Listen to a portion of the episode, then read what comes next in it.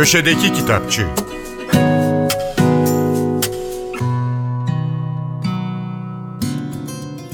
Merhaba, ben Adnan Bostancıoğlu. Fransız yazar Jean Genet'in tiyatro oyunu Hizmetçiler, Ayberk Eray çevirisiyle ayrıntı yayınlarından çıktı. Oyun, roman ve deneme yazarı Jean Genet 1910 yılında Paris'te doğdu. Evlilik dışı bir çocuk olduğu için annesi tarafından terk edildi. 10 yaşına değin bir yetimhanede ve çiftçi bir ailenin yanında kaldı. 10 yaşındayken girdiği ıslah evinden 1926'da kaçarak Fransız sömürge birliklerine katıldı. Kısa bir süre sonra oradan da kaçtı ve Avrupa'nın çeşitli ülkelerinde hırsızlık, kaçakçılık olaylarına karışarak tam bir serseri gibi yaşadı.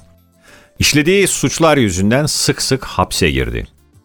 1948'de Fransa'da hırsızlık yüzünden 10. kez yargılandı ve ömür boyu hapis cezasına çarptırıldı. Bu arada 1942'de hapiste yazmış olduğu Çiçeklerin Meryem Anası adlı ilk romanı, André Gide, Jean Cocteau ve Jean-Paul Sartre gibi ünlü yazarların dikkatini çekti. Bu yazarların Cumhurbaşkanı'na verdikleri bir dilekçe üzerine bağışlandı. Romanlarında oldukça şiirsel bir dil kullanan Jöne, kendi özel yaşamından yola çıkarak yakından tanıdığı yeraltı dünyasını betimler. Kahramanları hırsızlar, katiller, kaçakçılar, fahişelerdir. Jöne'nin bütün yapıtlarında yerleşik ahlak kurallarına aykırı bir anlayış hakimdir. Özellikle başkalarınca dayatılmış yazgıya karşı çıkmakla insanın gerçek kimliğini bulabileceği düşüncesi onda tutkulu bir inanca dönüşmüştür.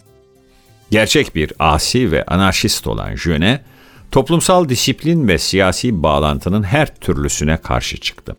1986 yılında ölen Jean Genet'in birçok eseri Türkçe'ye çevrildi.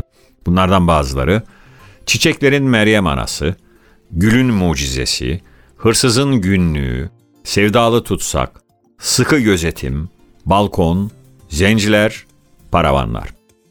Bugün sözünü ettiğimiz Hizmetçiler isimli tiyatro oyunu ilk kez 1947 yılında Paris'te sahneye konmuştu. 1933'te Fransa'da gerçekleşen bir olaydan 7 yıldır evlerinde çalıştıkları ev sahibini öldüren iki kız kardeşin hikayesinden yola çıkarak yazılmıştı.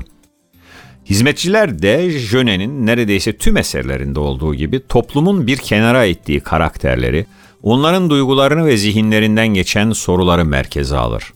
Uzun yıllardır hanımefendinin emrinde çalışan Solange ve Claire, taparcasına sevdikleri, saygıda kusur etmedikleri, varlıklarını borçlu oldukları hanımefendiyi öldürmeye karar vermişlerdir. Bu cinayetin işleneceği gece, dizginlenemeyen arzuların iktidarı devralışına, değişen rollerin kaosuna sahne olacaktır. Artemis yayınlarının bir dizisi var. Köşedeki kitapçıda daha önce de sözünü etmiştik bu dizinin. Alain de Botton yönetiminde hazırlanan dizinin adı Hayat Okulu.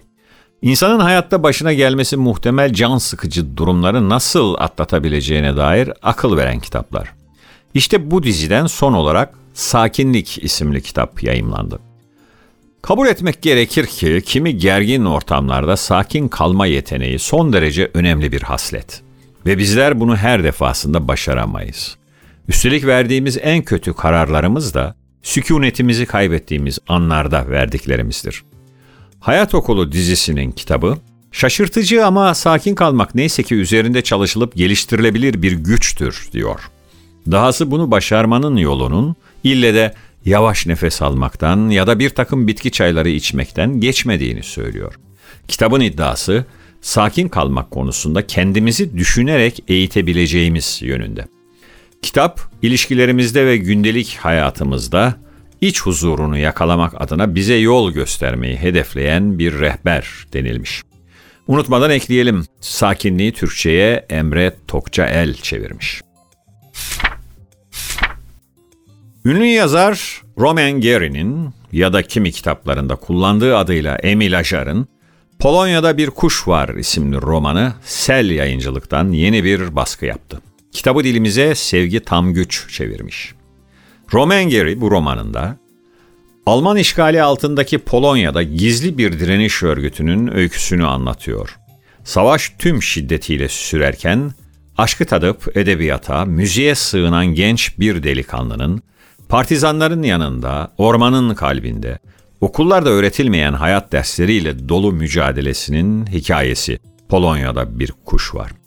Jean-Paul Sartre bu roman yayınlandığında Polonya'da bir kuş var, direniş üstüne yazılmış en iyi roman diyor. Herkese iyi okumalar, hoşça kalın.